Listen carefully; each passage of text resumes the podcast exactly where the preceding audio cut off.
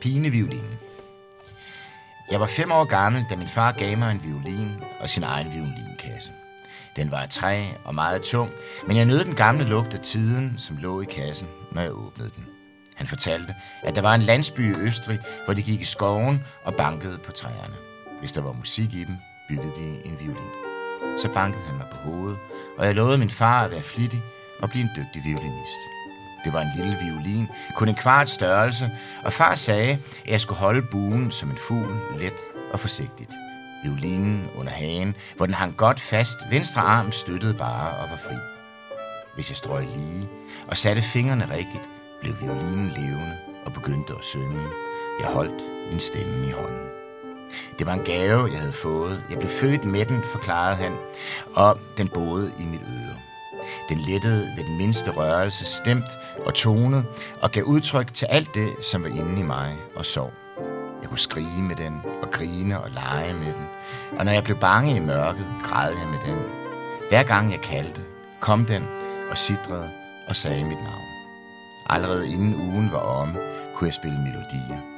De landede på strengene som fugle om aftenen. Nogle af dem kendte jeg ikke, men de kendte mig og vækkede mine ører med en fjernklang. Den kom fra Wien.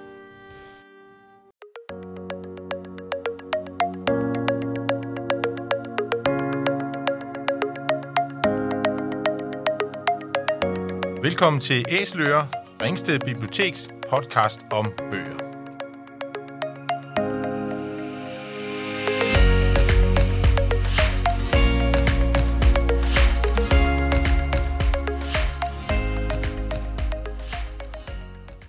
Hej, jeg hedder Sanne, Og jeg hedder Morten. og i dag har vi besøg af Knud Romer. Velkommen til dig. Hej, jeg hedder Knud. Vi har inviteret dig til en snak om bøger, Knud, og vi har bedt dig om at vælge tre bøger, som du vil anbefale, øh, som har gjort indtryk på dig som læser og som øh, forfatter. Og derudover så har Morten og jeg læst dine romaner, øh, så dem taler vi også om. Men inden vi går i gang, så vil vi lige minde om, at du jo kan finde titler og øh, forfattere og andre noter fra podcasten på vores hjemmeside ringstedbib.dk under inspiration. Knud Romer er født i 1960 og voksede op i Nykøbing Falster, en by, han i 2006 gjorde berygtet i debutromanen Den, som blinker er bange for døden, hvor han beskrev sin barndom som udstødt mobbeoffer på grund af morens tyske baggrund. Romanen blev en succes ved både læserne og anmelderne og vandt de gyldne laverbær og Weekendavisens litteraturpris. Alligevel, eller måske netop derfor, gik der 12 år før den næste roman udkom. Kort over Paradis, der fortæller historien om Knud som ung og voksen, spundet sammen med talrige sidehistorier. I øjeblikket, i november 2021, er Knud Romer aktuel med sin tredje roman, Pigen i violinen. Og det var jo den, du læste op fra i starten. Knud. Det var det. Og det er din tredje roman, og jeg har, øh, jeg synes, det er en fin titel, og jeg øh, kunne ikke lade være med lige at, at, at google lidt, og du indskriver dig faktisk i en lidt familie med de titler der. Øh, Jeg ramser lige herop. Pigen i Satans Mose, 2012. Pigen i Cementblanderen, 2013, Svend Aage Madsen. Pigen i Togen, og senest her, Pigen i Verden, en levnedsbeskrivelse fra Færøerne. Altså, der er pigen og den blå, altså, der er jo pigen og den blå violin. Det er jo sådan en, en eller anden danstop-sang, ikke? Og der er pigen og cykeltyven, og, og, og, det er helt vildt, ikke? De fleste siger jo pigen og violinen, ikke? Men det er pigen i violinen. Og det er altså magi. En pige i en violin, det er hos Andersen. Det er et eventyr. Den kunne også hedde violinen i pigen. Sådan set, så havde jeg skrevet mig ud af den. Ja. Men jeg synes, det er en god titel. Altså, øhm, nogle gange, når vi sådan øh, vurderer bøger, så skal titlen gerne være sådan, øh, det skal sige noget om indholdet, og det Ja. synes jeg bestemt, den gør. Ja. Vi er jo en spoilerfri, vi, for, vi afslører jo ikke, nu ved jeg ikke, om der er noget at afsløre Nej, ved det den, er jo ikke plotdrevet. Nej, det er det jo det. skønlitteratur, ikke? Det er, Så- jo, det er jo vejen og ikke målet, ligesom i heavy metal. Jamen præcis, så, vi, så det er vi ikke så bekymrede for. Nej. Så, øh, så, så, så, men, men jeg vil sige, at det er jo en, øh, det er en roman, som, øh, som jo handler om en kunstner, en violinist, mm. øh, og en ung, en ung øh, pige, ung kvinde, der, der er på vej til at blive øh, violinist, øh, ikke bare sådan på hobbyplan, men på topplan, mm. der hvor, hvor eliten, hvor verdens eliten ligesom slår sine folder, og det Ja. kommer man jo ikke, man kommer ikke ind i de kredse uden at have øvet og øvet og øvet. Det er ligesom balletdanser, elitegymnaster, det er, det er ligesom alt. Altså i virkeligheden, så har vi jo glemt, at kunst er kunsthåndværk. Og det er bare det ypperste bliver til kunst grunden til for eksempel, at tyskerne er så gode til at lave biler, blandt andet, og er så dygtige ingeniører, de har jo mesterlæger. Og det havde de jo allerede i middelalderen. Altså i middelalderen, der, der lavede du et mesterværk, og så var du mester. Og, og, og vi har lidt glemt, også med vores erhvervsskoler og sådan noget, ikke? Sneker og sølvsmede, det er, det er mesterlærer, det her. Og det er hårdt arbejde, det er disciplin at lære og, og mestre et udtryk og et materiale. Og, og altså bare det at for eksempel at forvandle sin stemme til et instrument og sådan noget. Ikke? Du starter, når du er fem, så går du i spirekor, børnekor, juniorkor, pigekor, så kommer du på konservatoriet, så kommer du på mesterkurser, så, og hvis du er meget, meget dygtig og meget heldig, så kan det være, at du får en plads i operakoret, når du er 30. Og så tjener du det samme som buschauffør. Altså, det her, det er, det er lærlinge, mestre, og man bliver ikke rig af det. Nej, og, og det er heller ikke uden sådan øh, uden ar på sjælen. Altså, der er jo en pris for det i forhold til, der er jo, man kan jo sige, der er jo noget, man ikke kan, hvis man vil det her. Så skal man ville det og gøre det. Ja, ja det er ligesom at få en meget lang lille finger. Ja, ja. ja. Så øh, man kan sige, det er sådan ligesom øh, præmissen eller grundhandlingen i den her ja. roman. Og så kan man, øh, så kan man sige, at, at vi, vi har jo nogle andre bipersoner, som hun møder på sin vej, ja. på vej til det her. Og så, og så er der den her, øh, for mig i hvert fald sådan personlig, når man læser en bog, så er der ofte noget med, at man sådan finder ud af, hov, der er noget, der taler direkte til mig, som jeg ja. kan... Spændende, det kan jeg høre, hvad? Jamen for mig er det her jo en bog om, om øh, Alfred Brindel. Ja. Øhm, han optræder i bogen. Ja, det, er jo det, en, det er en virkelig person, en pianist. Jeg tror faktisk, han lever endnu i London. Det gør han gammel, nemlig, og hans datter herre, Doris lever også, og jeg er meget spændt på, når den udkommer på tysk, hvad de siger til det her. Ja, ja. Fordi jeg ved rimelig meget om ham. Jamen, det, kan, det, det lader jeg nemlig mærke til, ja. og, jeg, og jeg vil sige, at jeg, jeg, jeg sådan, øh, sådan hov, hov, det er jo Alfred Brindel. Ja. Og nu det er ikke, fordi jeg er ikke, øh, jeg er godt i klassisk musik, bestemt. Ja. Øh, men da jeg, var, da jeg var dreng, der øh, gik jeg til skak vi boede i en, i en det lille... Det gjorde jeg også. Det gjorde du også, Knud. Men bøger, frimærker, skak, skak. klassisk musik, what's ja. not to like. Præcis. Ja. Og der spillede jeg så, jeg kan ikke huske hvad, en gang om ugen, og så når jeg så kom hjem, det var min far, der sagde, at jeg skulle gå til skak. Altså han sådan ikke sagde det på den måde, jeg skulle gøre. Jeg ville også gerne lære spillet, men han sendte mig afsted. Og når jeg så kom hjem, så skulle jeg jo spille spil med min far. Og så ja. sad vi der i stuen, og så satte han nogle plader på, altså ja. LP-plader, ikke? Og noget af det, vi hørte, kan jeg huske, det var Schubert med netop Alfred Brindel. Ja. Og jeg kan huske øh, det der cover der, øh, med Brindel der, ikke? Ja. I, i det der krøllede øh, outfit ja. og hans hår og ja. de der store briller. Ikke? og, og nu låner jeg lige bogen, fordi du giver faktisk en meget præcis beskrivelse af ham et ja. sted. Jeg har lagt et, øh, et bogmærke ind, som jeg lige ja. vil læse op. Øhm, er du bare sød, altså. Inden er der nogen, der lægger mærke til det her. Men det har jeg... Jamen, det... ved du hvad? Altså, det, som altid undrer mig, det er, at folk tager det for givet og bare læser det. Der er ikke nogen, der standser op og spørger sig selv, hvor i al verden ved jeg det her fra? Hvor ja. ved jeg det her om Alfred fra? Hvor ved jeg det her om hans kone Iris fra? Ja, ja. Hvor ved jeg det fra? Ja. Ikke? Jamen, det, det er noget, der interesserer mig. Ja, men det får jeg aldrig at vide. Men altså, prøv at undre jer lidt over, hvor præcis det er om fremmede mennesker, ja. som levede for mange Ja, fordi du, du, du siger selv det her med, at han havde en datter med Iris, ja. som jo blev øh, punksanger, punksanger ja. ikke? som ja. gik en helt anden vej. Og, ja. måske, og som du ansøgte, det var det sådan lidt pinligt. Ikke? Faren var den her meget klassiske, pinligt, og så skulle hun til at stå og skabe sig der. Sådan er det jo. Altså, ja, præcis. Ikke? Men, men det er faktisk ikke... Jeg prøver sådan at google lidt rundt. Det, det er ikke noget, der sådan lige popper op på Wikipedia, at du har planket den derfra. Sådan ja, er det ikke. Altså, det, det, jeg vil lige sige til jer derude, når jeg skal skrive. Wikipedia er no-go. Altså, at, at sidde og læse Wikipedia og reproducere det i en roman, det er, det er faktisk livs... Wikipedia er farligt for forfattere. Jeg har det sådan, at jeg faktisk googler ting, når jeg skriver, for at finde ud af, om det findes. For hvis det ikke kan googles, så er det originelt. Det må ikke kunne googles. Men det kan godt det er det, det, er det omvendte princip. Ikke? Præcis, for det er det første, vi gør. Ja. Vi går ind og kigger, og så kan vi se, når der er en biperson. Ja, det kan svarer meget godt. Kan ikke ja, googles. Ja, ja. I skal google min hjerne. Ja. Så, øh, så man kan sige, der er flueben der i hvert fald. Ja. Øh, så, men, men, men nu ja. skal du høre, øh, der er en beskrivelse her, og det er jo, øh, der får vi også lidt indblik i sprog i roman. Sprogligt meget stramt roman. Man kan, man kan fornemme, at der er skåret fra. Ikke? Der, ja, der er sådan ligesom, det, ja. vi, det er det her. Det, det, det kan vi altid det. snakke om. Ja. men der er beskrivelsen her. Alfred var høj og ikke særlig køn. Han havde briller med tykke glas, mørkt krøllet hår, som han lod vokse for at skjule sine flyveører. Han gik i trenchcoat, et tørklæde slynget om halsen, og hans tøj så ud, som om han havde sovet i det. Han kiggede trist ud gennem brillerne, hvor øjnene svømmede rundt som guldfisk, og en dag løftede øjenbrynene sig højt op i panden. Hun var en ung skønhed med lange ben og kulsort hår. De kunne ikke have været et mere umage par. Ja.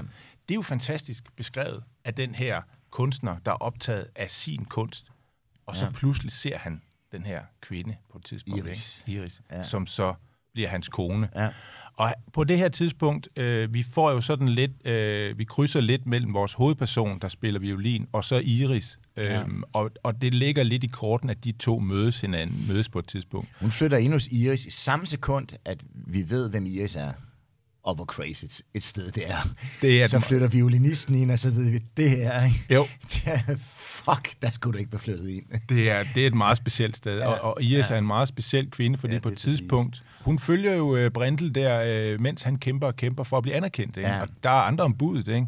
og øh, man siger, at han spiller, øh, det med klassisk musik, det er noget med at fortolke. Man skal jo fortolke musikken, Ja. men man skal også spille noderne, Ja. øh, og, og den balance der, er han, ligger han nok lidt derover, hvor han spiller meget noderne. Ja, men det er jo noget vrøvl, fordi alt er fortolkning. Du kan ikke bare spille noget. Det er noget pjat. Altså, det, det, jeg, jeg reproducerer hans egen mening om det her, men det er noget vrøvl.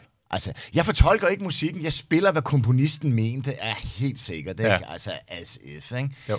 Øhm, og det er det her med, altså, den er meget stramt komponeret, ikke? men det er jeg næsten, jeg, jeg skriver altid stramt, fordi jeg, jeg bliver altid så vred, når man, når man hører sådan nogle forfattere, du ved, Claus Riffbjerg og sådan noget, ikke? Så sådan, hvordan skriver man? Ja, man starter op i venstre hjørne, og så ender man nede i højre hjørne. Gud gør man ej. Du starter nede i højre hjørne, for hvis du ikke ved, hvor du skal hen, så betyder det ingenting. Jeg ved nøjagtigt, hvor jeg vil hen. Så alting har udtrykskarakter. Alting peger ud over sig selv på mere og andet, nemlig på slutningen i virkeligheden. Jeg bruger ikke et ord, ikke et adjektiv, ikke et komma mere end lige nøjagtigt det, der skal til for at komme fra A til Z. Alt andet bliver skåret fra. Det er omveje, det er sludder og vrøvl. Du væver, du padler. Hvad skal det gøre godt for? Ikke? Så hvert ord er et skridt på vejen til den logiske konklusion. Ikke? Det, det er ligesom at travle en sweater op, samtidig med, at man, man strikker den. Eller du ved, hvor meget tråd er der på, på, på rullen. Ikke? Ja. Og når den tråd er forbi, er den bare forbi. Ja. Så den her historie havde nøjagtigt de her 144 sider, og, og der er ingen grund til at spille et ord mere. Nej. Altså, det synes jeg godt, man fornemmer sprogligt, at den er, den er skarpt skåret. Ja. Øhm, og Men det, det, er jo, det var kort over paradis også. Det, det, det tog bare 570 sider for at nå til den logiske konklusion. Ja, fordi fortællinger har jo, hvad skal man sige, en længde, ikke? eller en længde, Jo, som jo. det passer. Altså, hvor meget, og- hvor meget meter er der i dem? Ja. Det er to kvinder. En gammel dame og en ung dame. Den ene på vej ned, den anden på vej op. Samtidig er det en mand og en pige, som begge to kæmper for at komme til udtryk, for at blive virtuoser. Ikke? Så det er, det, det er lidelsernes kunst, det er, det, er, det er smertekunstnerne, som prøver at, at nå derhen, hvor de, hvor de præsterer deres ypperste og bryder igennem. Hun får jo at vide af sin far, at der er den her landsby nede i Østrig, hvor man banker på træerne for at høre, om der er musik i dem. Og så banker han hende på hovedet, og hun lover at være flittig at blive en dygtig violinist. Allerede der er hun blevet identificeret. Hun er en violin. Hun får så at vide, at alt det, der er inde i hende, af følelser og tanker og drifter og, og, og så videre, det kan komme til udtryk gennem violinen. Så hun kanaliserer hele sit liv. Hele sin drift, sit liv, sin tid, sin ungdom, alt har en, en vej. Det er gennem violinen. Problemet er bare, at det er så svært at bemestre en violin, at den teknik og den disciplin, der skal til for at komme til udtryk, er nøjagtigt det, der smadrer hendes liv og undertrykker hendes følelser. Så hun bliver mere og mere seksuelt forskrækket, tvangsneurotisk, gudsfrygtig, bulimisk. Hun lukker sig mere og mere inde i sig selv som en knytnæve. Ikke? Samtidig med, at hun bliver spiller bedre og bedre. Ikke? Så det er, jo, det, er jo, det, er jo en, det er jo en skruestik, der simpelthen spænder hende ligesom en streng, hårdere og hårdere, indtil det nærmest lyder ligesom et skrig. Ikke? Og hvor hårdt kan man spænde et menneske, uden at det brister? Ikke også? Og hun, er, hun ender med til sidst at stå og spille iskolde toner, lukket inde i violinen. Tonerne sner ned over hende, ligesom i en snekugle. Og der drejer hun rundt og rundt i takt med tiden med sin violin i midten. Så i virkeligheden er den her roman, den er en spildåse. Og figuren, hovedpersonen, er bare figuren i en lille spildåse, der drejer rundt og rundt om sig selv tænker, at vi går videre til den næste bog, vi har på programmet, og det er jo en, som... Vi kommer simpelthen væk fra Alfred Brandl nu. Nu kommer vi... Det kan være, han dukker op igen. Den her er jo en, du har valgt, Knud, og ja. det, det er jo øh, det er en gammel bog, ja. og jeg ved ikke, om det Bøger skal er, være gamle. Ja, og det er, det, er de, øh, det, det er de fleste af dem, vi snak, kommer til at snakke om i dag, faktisk. Men den her er måske også en, du har læst på et tidligt tidspunkt. Det ved jeg ikke. Jamen, det er det. Det er øh, George MacDonald's At the Back of the North Wind. Den er fra 1871, yes, og jeg ved baby. faktisk ikke, er den oversat til dansk? Nej, Nej. Og, og jeg har jo prøvet at overtale mit forlag, men det er meget, meget svært. Altså, forlag har det svært, ikke? Og, og de kan ikke tillade sig at lave meget ballade. Så går de i rødt, og så er der ikke noget forlag, ikke? Øhm, fordi jeg vil meget gerne lave sådan... Jeg elsker de her små bokse, du ved, bogbokse, hvor der er fem eller ti bøger i. Ja. Ikke? Sådan, ah, ikke? Altså, der, med nogle flotte tegninger på og sådan noget. Ikke? Og der vil jeg gerne udgive Knud Romers øh, ukendte fantasy-bibliotek med urfaderne til Harry Potter og til Tolkien dem, der kom før, dem vil jeg oversætte selv. Du må også regne med for eksempel Peter Pan. Jeg skulle heller ikke oversat rigtigt til dansk. Det er jo Peter Pan and Wendy. Det er jo ikke Peter Pan and Kensington Garden. Det er ikke den rigtige Peter Pan. Hvor er den henne? Den er der ikke. George MacDonald, hvor er han henne? Han er her ikke. Lord Dunsany, hvor er han henne? Han er her ikke. Jeg vil elske det, men de kigger jo på mig og ryster på hovedet, altså, og tænker, Knud, for fanden, det gamle lort. Ikke? Men det er vidunderligt, og du må regne med, at, at for mig er jo nu var der heller ikke noget internet, og vi havde heller ikke noget fjernsyn. Og vi havde en transistorradio. Så bøger var jo vejen ind og vejen ud. Ikke? Og jeg læste, jeg åd mig igennem børnebiblioteket, ikke? Med, fra Vike Viking og, og hele, hele balladen. Ikke? Indtil at jeg så faldt over C.S. Lewis og Narnia-bøgerne. Ikke? Altså, hvem bliver ikke fortryllet? Hvis, hvis den rammer på det rigtige tidspunkt i din barndom, så bliver du fortryllet, så resten af dit liv fortryllet. Så går du gennem klædeskabet, og du kommer aldrig tilbage. Og det er vejen ind i bøgerne. Og der øh, C.S. Lewis var jo venner og fjender med, med Tolkien, fordi at øh, Tolkien jo mente, at han havde stjålet hans idé. For han skrev så Hobbiten, ikke? Og Hobbiten tog mig i hånden i børnebiblioteket, da jeg var færdig, og førte mig ud til voksenbiblioteket, fordi der stod Ringenes Herre. Og dengang var det jo ikke sådan noget med, hvis du kan lide mere af det her, så er der mere eller hvis du kan lide det her, er der mere af det samme. Nej, fordi Tolkien står ved siden af Tolstoy. Og så æder man sig igennem voksenbiblioteket. Ikke? Men min kærlighed, det er den tyske romantik, kunsteventyr, E.T.R. Hoffmann, Stieg, Schlegel, Eichendorff, øh, alle de her folk. Ikke? For, altså, det, er jo, det er jo dem, som H.C. Andersen efterlignede. Ikke? Tolkien og, og, og C.S. Lewis og dem, de havde jo en klub i Oxford, som hed The Inklings. Og der studerede de jo så urfaderne til fantasy, og den største af dem, det er George MacDonald. Han er præst i Skotland. Øh, der, de var kalvinister, men han mente jo, at Guds kærlighed, den omfatter alle. Dyr, mennesker, blomster, alt. Og det kunne de ikke leve med. Så de halverede hans løn, og så flyttede han til London. Han havde 13 børn skrev sig 60 romaner for at kunne overleve og komme ind i pension. Uh, fik pension af, af dronning Victoria.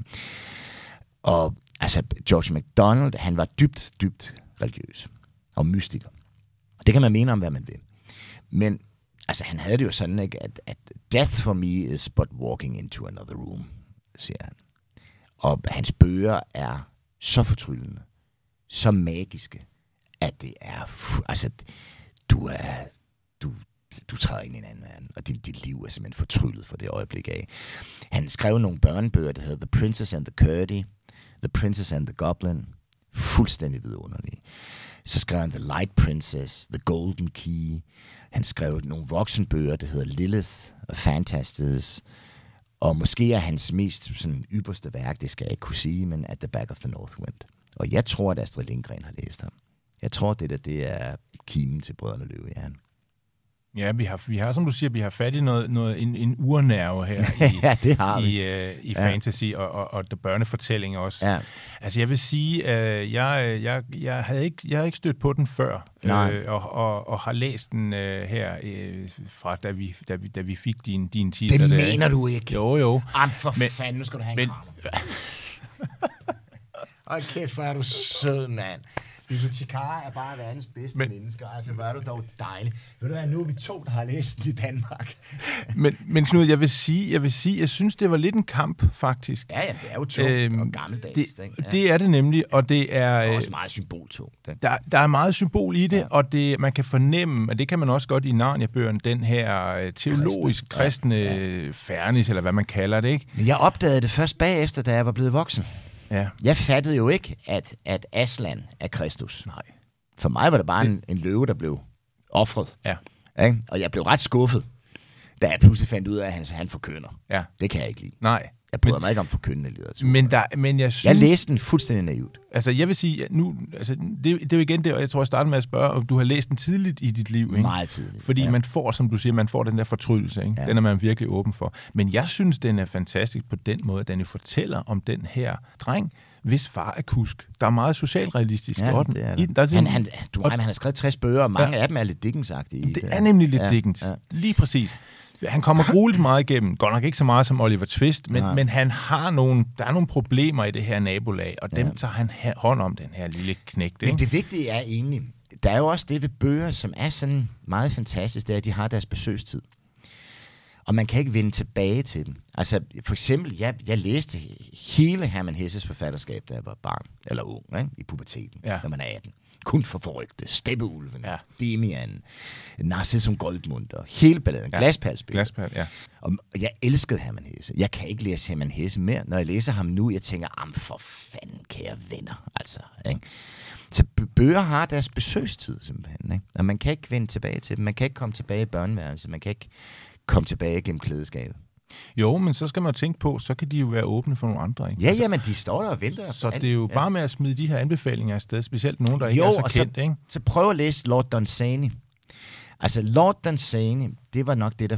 Altså, grunden til at blive forfatter er nok Lord Dunsany. Ikke? Fordi min mor, hun gav mig en antologi på tysk, der hed Das Fenster til andre end Welt, grønne, med grønne sider af Klet Kota Verlag fra Frankfurt. Og der læste jeg dem her, og så var jeg bare gården. Og så læste jeg, at de kom fra nogle bøger, der hed Book of Wonder, A Dreamer's Tales, uh, altså Tales of Wonder, The King of Elfen's Daughter. Det var nogle titler, som fuldstændig betagede mig og fortryllede mig. Men man kunne ikke få fat på de bøger der. Så jeg begyndte jo at skrive for at skrive de bøger, som passede til de titler der selv, ikke også, ikke? Um, og der var der jo så nede i Nykøbing, var der jo et bibliotek, og der var en bibliotekar. Og hun sagde, Knud, jeg skal nok finde den til dig. Og så fandt hun den i øh, forskningsbiblioteket. Jeg var, jeg var fuldstændig der. De ser ud, sådan som bøger skal se ud. Og jeg kan huske, at ja, man skulle jo aflevere, man måtte låne dem tre måneder fra forskningsbiblioteket. Jeg kunne ikke rive, det var ligesom at rive mit hjerte ud. Så jeg overvejede at sige, at jeg simpelthen havde glemt dem i bussen, når de var væk. Og så bare betale dem. Så tænkte jeg, Knud, det gør du simpelthen ikke. Fordi om 100 år er der en dreng, der falder over Dansani, og så skal de stå på hylderne og vente på, at det bliver hans tur. Så jeg afleverede dem her bibliotekar. Det var oh, godt, ja. godt, Knud. Det, så kan vi nemlig... Dem ledte jeg efter, indtil jeg blev 26, rejste jeg rundt gennem antikvariater. Og nu står de hjemme på mine hylder og i mit bogskab bag ciseleret glas. Det, det er meget kære minder, det her. Ja. Vi fortsætter, Knud. ja. Vi fortsætter, fordi vi skal jo snakke om en af dine bøger. Nå, for sådan, ja. Øh, og det er jo den første, du skrev. Ja. Øh, og braget igennem med, kan man jo roligt sige, ja. øh, med en masse priser og en, en masse ballade i, i en lokal andendam. Ja, det er præcis, ja. øh, den, som blinker, er bange for døden. Ja. 2006 kom den. Ja. Øh, den har jeg jo også læst, Knud. Ja, I søde. Og øhm, så voldsomt er det. Det er jo ikke en mobberoman. Nå, altså, nej. Det er en du, roman skal... om min store kærlighed til min mor. Og en ja, stor... det er det også. Og ja. jeg læste også derude og tænkte, det går da fint det her. Ja. Der er ovenikøbet lidt humor i den. Ja. Altså, der er den med gulassen hvor du kommer til ja, at, masser af forskellige og, og, og spise den her 100 år gamle gulas, ikke? ja. som jo jeg har... spiser den op. Du spiser ja. det hele, og så kan man ikke øh, lave det med... Det er meget måde, jeg tænkte, det går skide godt, det her. Ja. Men, men så kommer jeg jo lidt hen i historien. Øh, og så Må du ikke være så alvorlig? Jeg bliver helt forskrækket. Nu. Nej, men ja. det synes jeg, det, det var... Øh, jeg, synes, det er, jeg synes, det er voldsomt, det her. Men det er det også. Øhm, jeg, jeg kan ikke... Nu skal lige se. Vi, vi er jo et stykke hen. Der er sådan lidt... Man kan godt fornemme, det er ikke rart at være knud. Nej, i hvert fald ikke i en bog. Så, så, så kommer der den her formulering. Nu tager jeg sådan lidt en ja. tour de force igennem ja. noget af det sidste, hvor vi fornemmer, øh, hvad det er, der egentlig sker med det her mm-hmm. barn Vi boede i et hus under belejring, og far tog ingen chancer til nytår, hvor det var særligt slemt, og børnene ringede på døren ustandigt og smed kineser heksehyl ind af brevsprækken og løb deres vej. De stjal havelågen, væltede skraldespand i garagen, satte juletræet i skorstenen. Vi opdagede det ikke før næste dag, hvor alle kunne se det og grine af os, og så videre, og så videre, og så videre. Så kommer vi ind omkring skolen her. Mm. Øhm, jeg bladrer lidt frem. Jeg var ikke i skole. Jeg var kommet i en straffeanstalt, og hver dag fik jeg læst lektien. Ja. Læreren kom ind og stillede sig ved katedret. Vi sad ved pulten, og jeg havde en for mig selv, og det havde du selvfølgelig, fordi at der ikke var nogen sidde ved siden af dig, tænker jeg. Mm-hmm. Øh, og sådan går det så, og så kommer jeg så til frikvarteret. Mm-hmm. Når det ringede ud for de andre, ringede det ind for mig, og jeg forsøgte at komme igennem frikvarteret. De havde lært lektien i timerne og vidste, hvem jeg var. Jeg var tyskersvinet. Min mor var en Hitlerkælling og direktørfrue og fisefornem, og det løb ned ad lårene. Jeg tilbragte det meste af tiden med at stå inde i en rundkreds. Drenge og piger, og de skubbede, og de spyttede, og de råbte i takt. Det værste var, når det gik ud over min mor, og de brægede, Hildegard, Hildegard, ligesom geder og grinede hysterisk. Det skar i ørerne, og jeg skammede mig, og jeg svarede ikke, og hvis nogen spurgte mig, hvad hun hed, og så var det i vandposten, før det ringede. Gårdvagten stod med ryggen til og klode. Han så ingenting. Han gjorde ikke noget, og jeg kom for sent til timen og var drivvåd og fik skæld ud, om jeg havde tisset i bukserne. Klassen bræste i latter, og jeg blev sendt hjem for at skifte tøj. Mm. Det eneste, jeg forbandt med Nykøbing, var angst. Jeg turde ikke gå på gaden og måtte som regel ud på en længere omvej, og så får vi historien om, hvordan du, du kan ikke gå ned ad den gade, for så står de der og vil gøre mm, det, mm. og den næste og den næste. Den næste. Ja, det er grusomhedens det er teater. grusomheden, og så mm. slutter den så din mor dør til sidst, ja. og du prøver at få skrevet en nekrolog, og kunne hjælpe mig, om de ikke kan fatte... Dødsannonce. Dødsannonce, ja. Til, der sker i avisen. Og Med et går... citat, o syses lid, og de og, kan ikke fucking gang stave til Og det. du går ind og siger, er I nu med på, at der er det her, det stave sådan og sådan? Ja. Nej, det kan de ikke. Nej. Ikke engang kan de ikke finde ud af. O subes lid, står der, ikke? Altså, og, og, og præsten vil ikke have salme med, og det er simpelthen, ja. det, det er jo fuldstændig håbløst. Ja. Øh, det er faktisk det digt, der indleder pine violinen. Det er det, nemlig, det er det nemlig, ja. Og, du, og du nævner det også i, i bogen her øh, på et tidspunkt, hvor du, hvor du fortæller om digtet med de, med de to øh, strenge, der forenes, ikke? Er det ja. sådan, det er? Øh, så det må være et, et digt, der, der betyder meget for dig, og måske også noget, du, du har fået med i din, øh, altså fra din mor, ja. som, jo, øh, som jo kom til, til, til det her sted. En meget kulturel mor, tysk ja. kultur. Det er tysk landet, eller ikke? Altså med en dannelseskultur, der vinder noget. Ikke? Ja, som jo kommer ned i det her øh, Nykøbing Falster, hvor man jo har roer i hovedet hele tiden, ikke? Altså, og, og måske ikke... Man kunne i hvert fald ikke rigtig øh, glemme, hvem det var, der vandt krigen, og tysker havde det. Ikke? Altså, det, det bliver som ved, og vi er jo trods alt i, er vi i 60'erne, ikke? Sådan slutningen af 60'erne, midt deromkring, ikke? Mm-hmm. Altså, hun kom til Nykøbing i 1950, ikke? Jo, men altså, hvor du barn, ikke? Og ja, det stadigvæk er, er, er tyske unge, ikke? Jamen, det er det jo stadigvæk. Altså, det er jo, det, folk tror, at det holdt op i 50'erne, eller 60'erne, eller 70'erne, eller 80'erne. Altså, da, hvis du snakker med det danske mindretal i Flensborg, eller Slesvig, når de, når de kommer med deres tyske nummerplader og Mercedes til Danmark, så får de på buklen, ikke? Jeg synes, det var, jeg synes, det var en barsk bog. Der Har du set hemmeligheden Men... på forsiden? Der burde ligge, det er jo det er min dagligstue, det der, eller spisestuen ja. i Nykøbing. Og der burde jo egentlig ligge tre servietter, ikke? Ja, det undrer mig også over, fordi Jamen, hvad, der er jo... Hvad, kan du se, hvad de, hvad de danner, de servietter? De danner jo et hagekors. Ja, det gør de nemlig. Ja. Det er mig, der har lavet fotografiet det, er, det er godt. Og der er jo billedet, som jo også spiller en vis rolle. Det kan man øh, Det er jo første kapitel ja. øh, i virkeligheden, ikke? Det er meget subtilt forskel. Jeg lader ikke mærke til det. Nej, jeg undrer mig over, hvorfor der var den, måde, jeg skriver på. Så det er, det er magisk realisme. Ikke? Det, er, det der, det er spisestuen. Men det er et fucking hagekors. Ikke? Ja. Så det er jo det er ligesom hyperrealistisk, magisk realisme. Ikke? Du, ja. du, du tilføjer et element, og så forandrer alting sig og ja. bliver til allegori. Ikke?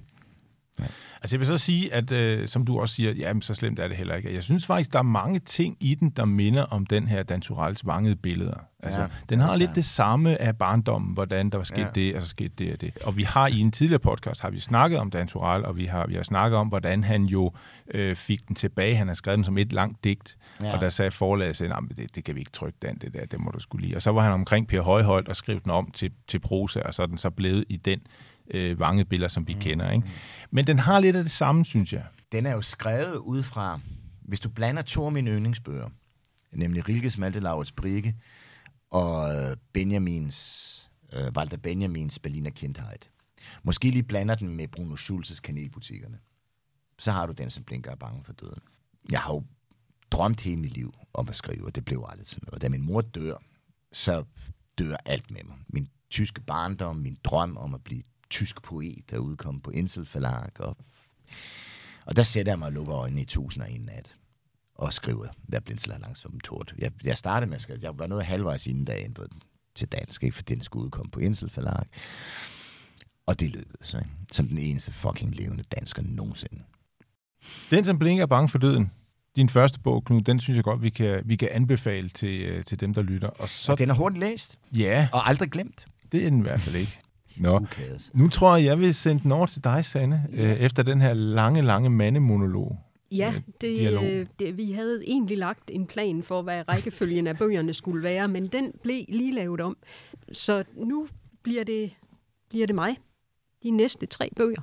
Ja. Øh, og jeg kan egentlig godt, jeg vil egentlig godt bare lave om på rækkefølgen i, i mine bøger også, fordi mm-hmm. egentlig skulle vi have talt om Rilke nu, mm-hmm. men mhm. jeg synes, at oven på den, som blinker er bange for døden, der passer det egentlig fint at gå videre med Kort over Paradis, øh, som er den bog, øh, du skrev som opfølger, eller som den svære toer, eller som mm-hmm. din næste bog, mm-hmm. eller som på sin vis fortsætter historien fra den, som blinker er bange for døden, ja. men som også inddrager en hel masse andre elementer. Det til siges. Og nu sagde du på et tidspunkt i, i øh, starten, at du skriver altid skræmt, stramt komponerede bøger. ah, det er nemlig rigtigt. Og øh, jeg har læst Kort over Paradis, og jeg, jeg er fuldstændig forvirret og rodet. Og, ja. Jeg kunne rigtig godt lide den, mm.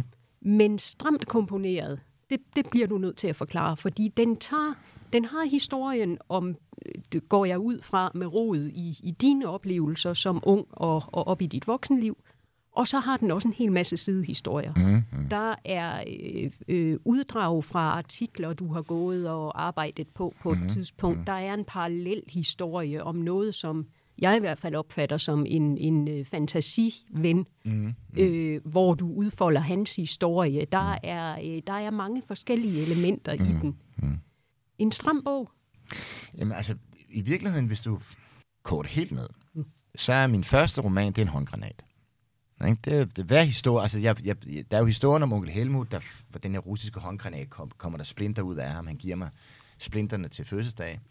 Og til sidst har jeg nok til at kunne sætte dem sammen til en håndgranat, mm. som jeg fylder med min angst og fortvivlelse og min sorg. Og, og jeg kaster jo ikke håndgranaten, jeg kaster splitten og beholder håndgranaten, så fortælleren begår selvmord i sidste sætning, og dermed udraderer historien sammen med tilbagevirkende kraft. Den er aldrig fortalt. Det kan ikke fortælles, fordi du har ingen, du har ingen mulighed for at komme til udtryk som mindretal. Mm.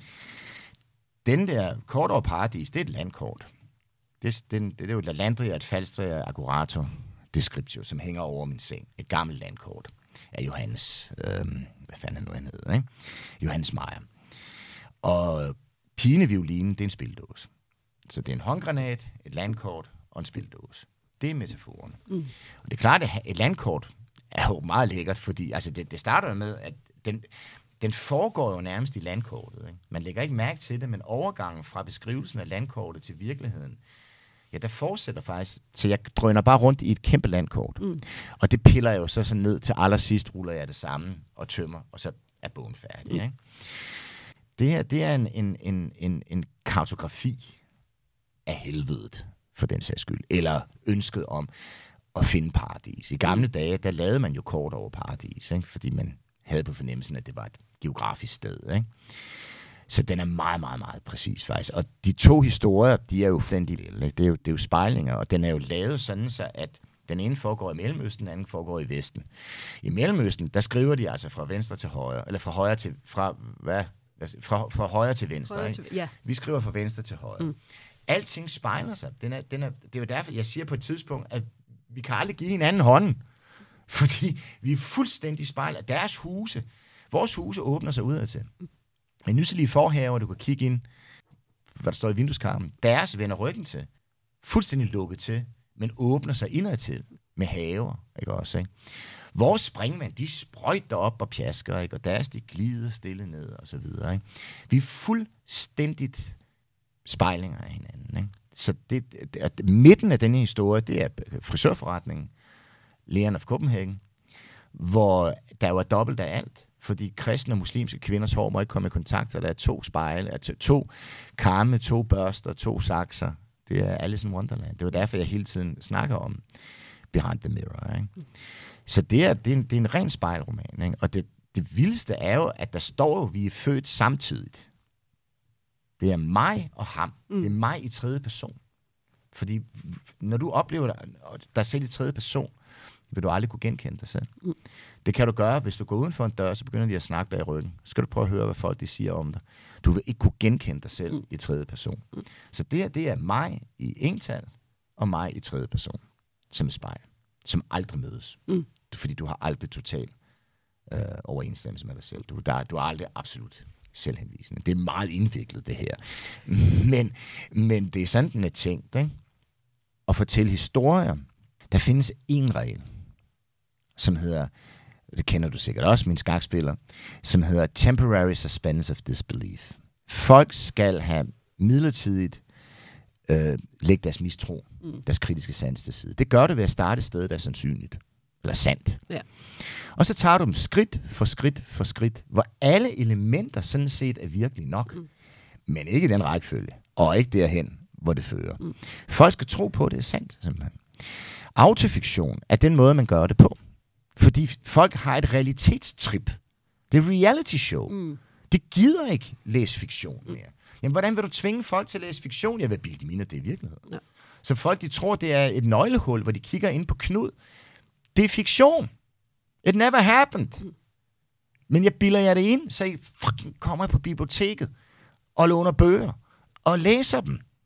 Måske er det omvendt i virkeligheden, at min historie, som alle var så begejstrede for, nu skal vi høre om Knud, der lider videre, mens ham der M der i Mellemøsten, who cares? Hvad nu, hvis det er omvendt?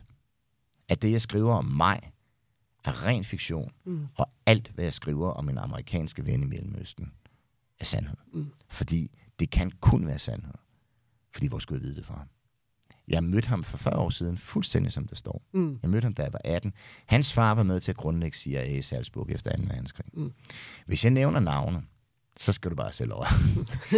men, men det gør jeg ikke. Det behøver vi. Vi har haft afsløringer nok ja. i Æseløre for i dag. Vi ja. behøver ikke... Øhm... Jamen, giver det nogen mening, det jeg siger? Det synes jeg, det gør. Jamen, det gør. Øh, og og øh, jeg vil godt indrømme, nu, nu tror jeg ikke, der findes rigtige og forkerte måder at læse Nej, bøger på. Fanden, man, men, der findes ikke... Men jeg ja. har ikke læst den på den måde, som du siger, du har skrevet den. Det skal du heller ikke. Jeg har læst den meget mere som en øh, øh, stream of consciousness-agtig ja. ting, hvor ja. man går ind i den ene ende, og man kommer ud i ja. den anden ende, og ind imellem, der er der veje og vildveje, som forfatteren ligesom ja. vandrer ud af. Der er intet, der kunne har... fjerner. Nej, det kan, altså, jeg, jo, jeg, det kan jeg, jeg jo jeg, så forstå. Jeg, jeg er en svejsisk urmager. Ja. Jeg skriver så konstrueret. Det, det kan jeg jo forstå på altså, det, når, når du siger når det. Når pileviolin er en spildåse, ja. ikke? Med, med tandhjul, der kører simpelthen. Mm. Sætningerne er tandhjul. Ja. Og jeg, jeg skriver iskoldt mm. med en loop. Ja. Det er derfor, det tager så lang tid. Ja. Det, og det er jeg vil elske at kunne bare sidde ved, sådan, klaver, og øh, i stedet for at det er brindel, så er det jazz. Ikke? Men øh, det kan jeg simpelthen ikke. Er, det er jo min skriveblokering. Jeg tror heller ikke, Brandon kunne spille jazz. Nej, det tror jeg sgu heller ikke, vel? Og det kan jeg heller ikke. Jeg kan snakke jazz, jeg kan ikke skrive jazz. Jeg er alt for, for kontrolleret. Ja. Det, er jo, det er jo min egen... Altså, jeg er jo pigen i violinen, ikke? Det er jo min tvangsmæssighed, mm. ikke? Ja. Jeg kan anbefale Kort over Paradis. Jeg synes, det var en rigtig god øh, læseoplevelse. Ja. Ligegyldigt om jeg så startede det ene sted, eller det Jamen andet for fanden jeg, jeg, jeg, jeg, jeg, jeg hader mig selv er... for at overhovedet sige det her, fordi der, er ikke, der, der er ikke noget, der hedder rigtigt og forkert, og det, det, det vilde er jo, at at jeg jo sådan set, da jeg skrev den, tænkte, jeg vil, jeg vil dø for den her roman. Mm. Og jeg dør med den. Og derfor så har jeg også puttet alt det ind i den, som jeg ville af med. Ja. Fordi jeg regnede faktisk ikke med at overleve den. Mm. Og det var lidt sådan en sten i en grav, som jeg skulle skubbe til side for at komme ud i det fri. Ja. Og det lykkedes mig at komme ud. Men da jeg så kom ud, så var jeg færdig. Ja. Mm. Så ja, fik jeg ved, at jeg blev blind. Min kone forlod mig. Det hele var noget lort. Mm.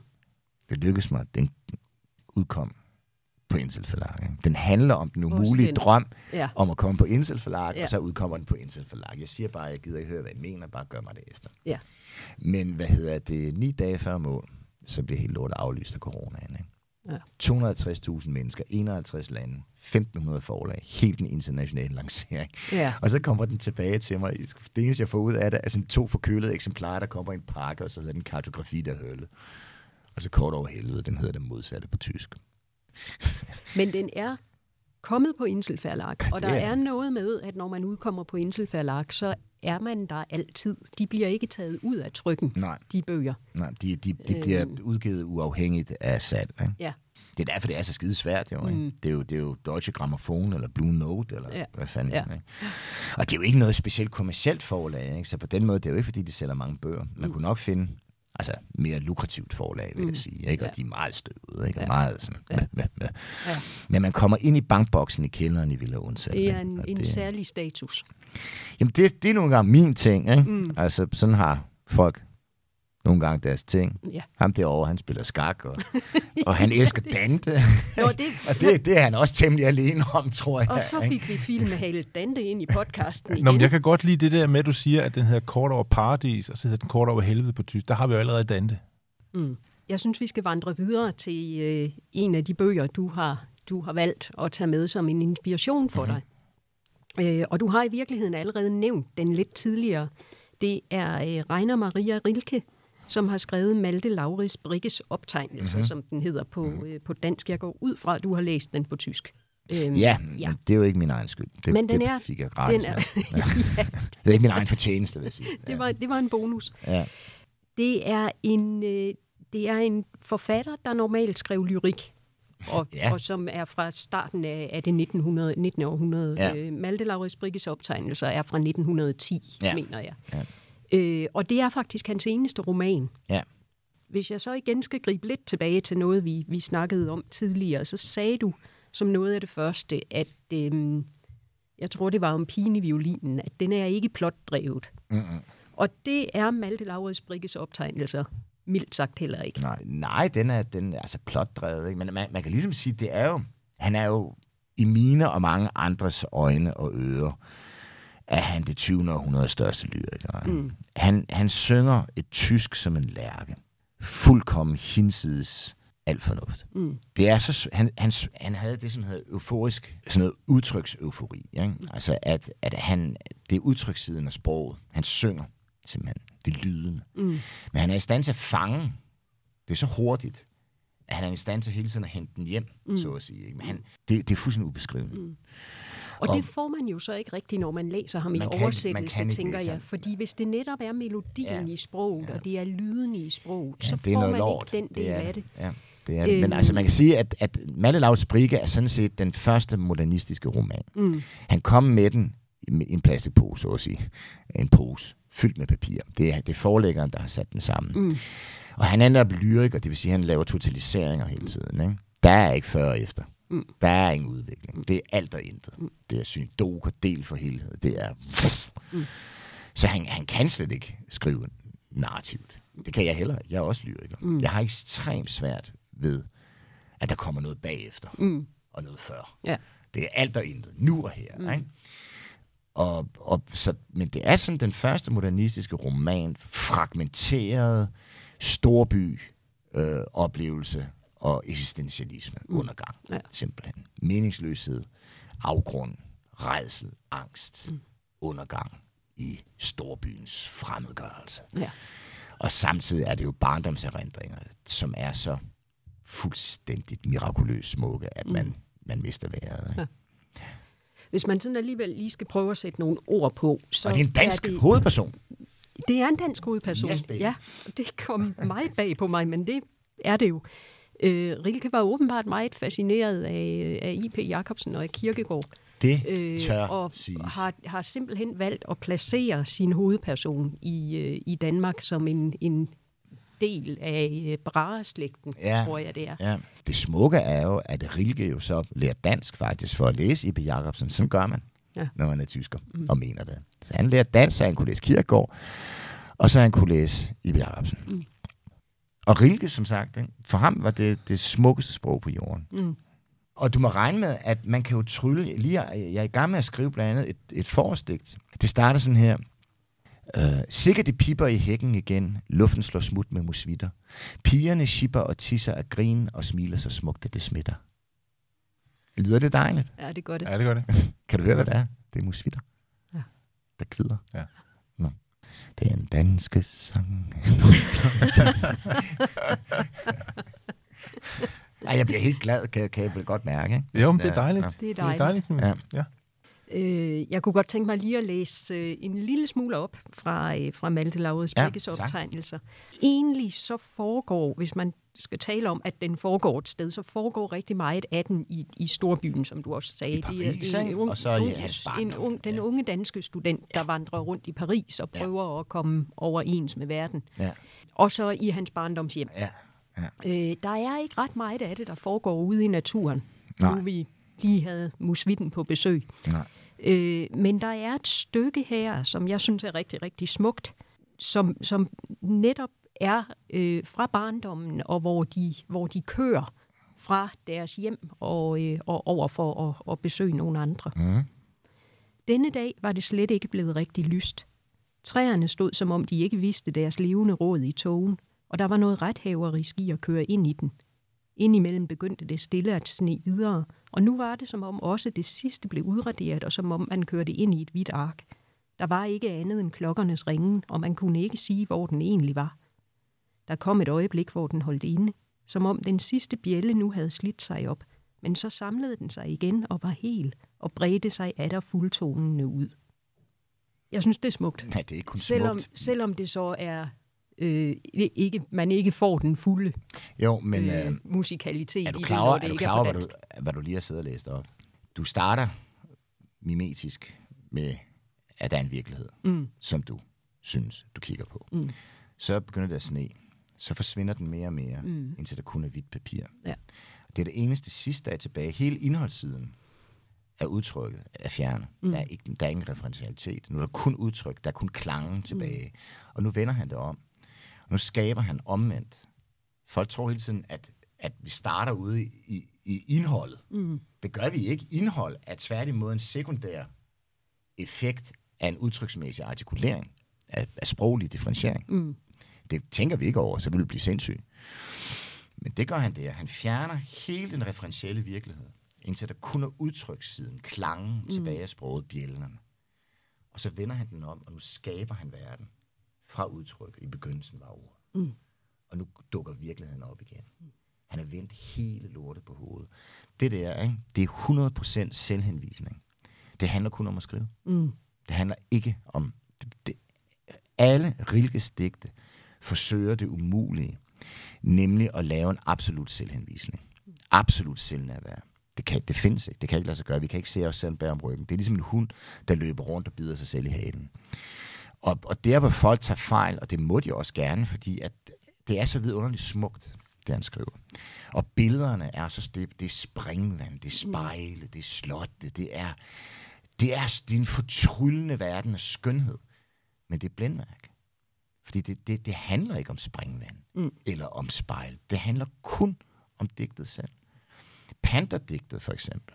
Det berømte panterdigt, hvor en panter går rundt og rundt om sig selv bag trammer i et bur i Jardin de Luxembourg.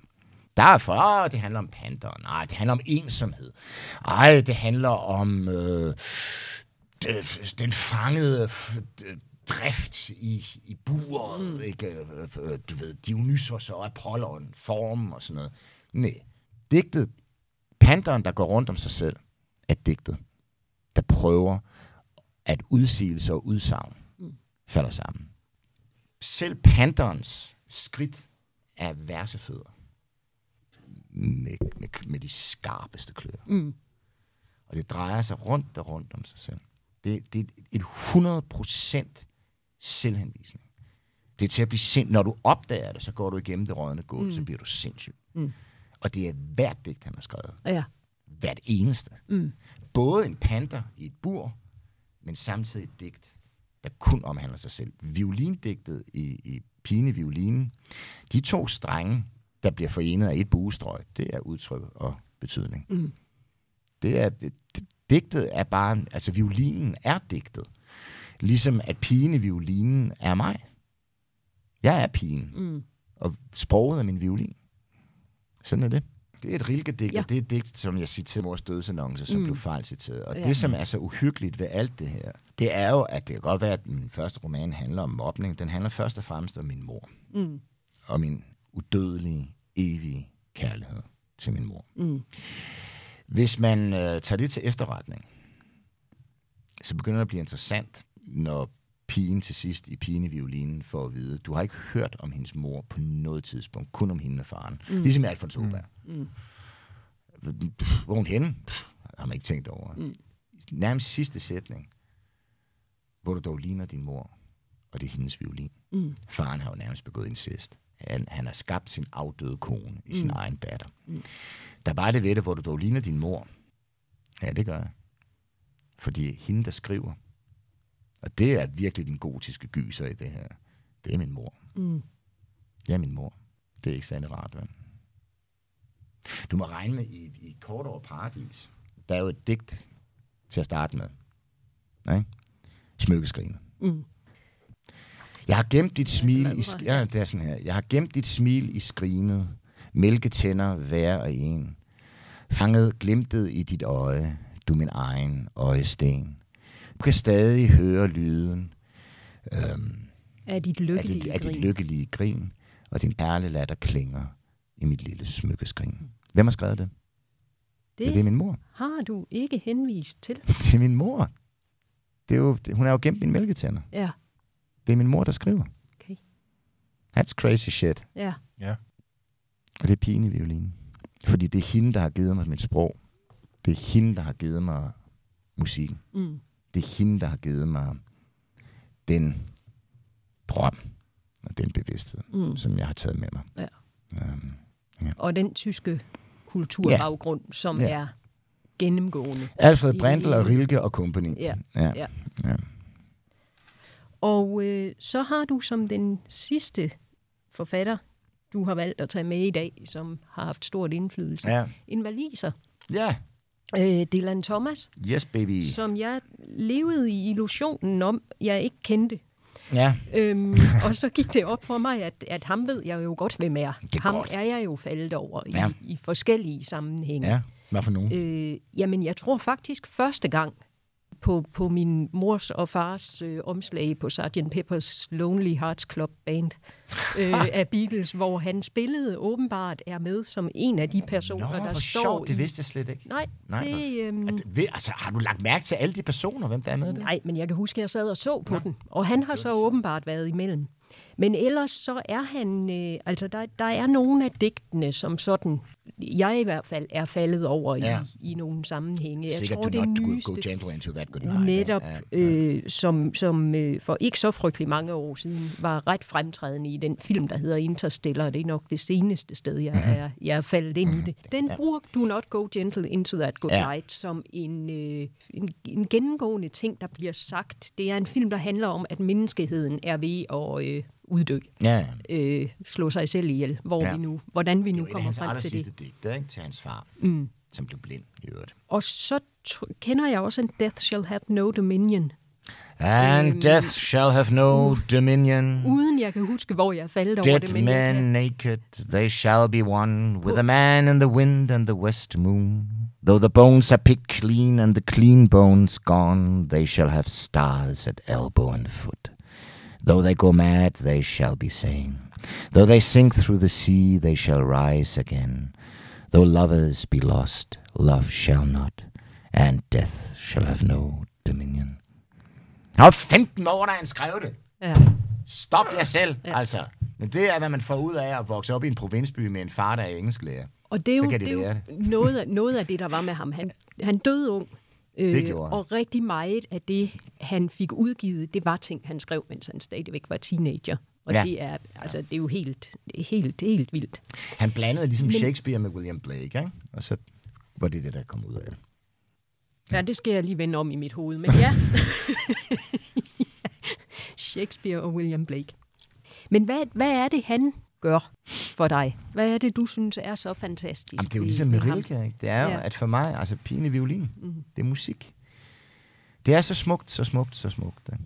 som man overhovedet kan drømme sproget. Ikke? Det er hymnisk. Mm. Det er anprisende, det er surrealistisk som en i helvede. Mm. Det er næsten, det er så obskurt, at det er uforståeligt, hvilket er en fryd. Fordi så dør det ikke. Mm. Det er levende, det, det forsvinder aldrig. All to wise by our light. Altså, ja. Hvad hedder det? Og, men det, det er så undersmukt, og så er, det, er han jo mystiker også, ikke? Og, mm. Altså, du må jo regne med sådan nogen som mig, og, og uden sammenligning. Det er den Thomas Rilke, store digter.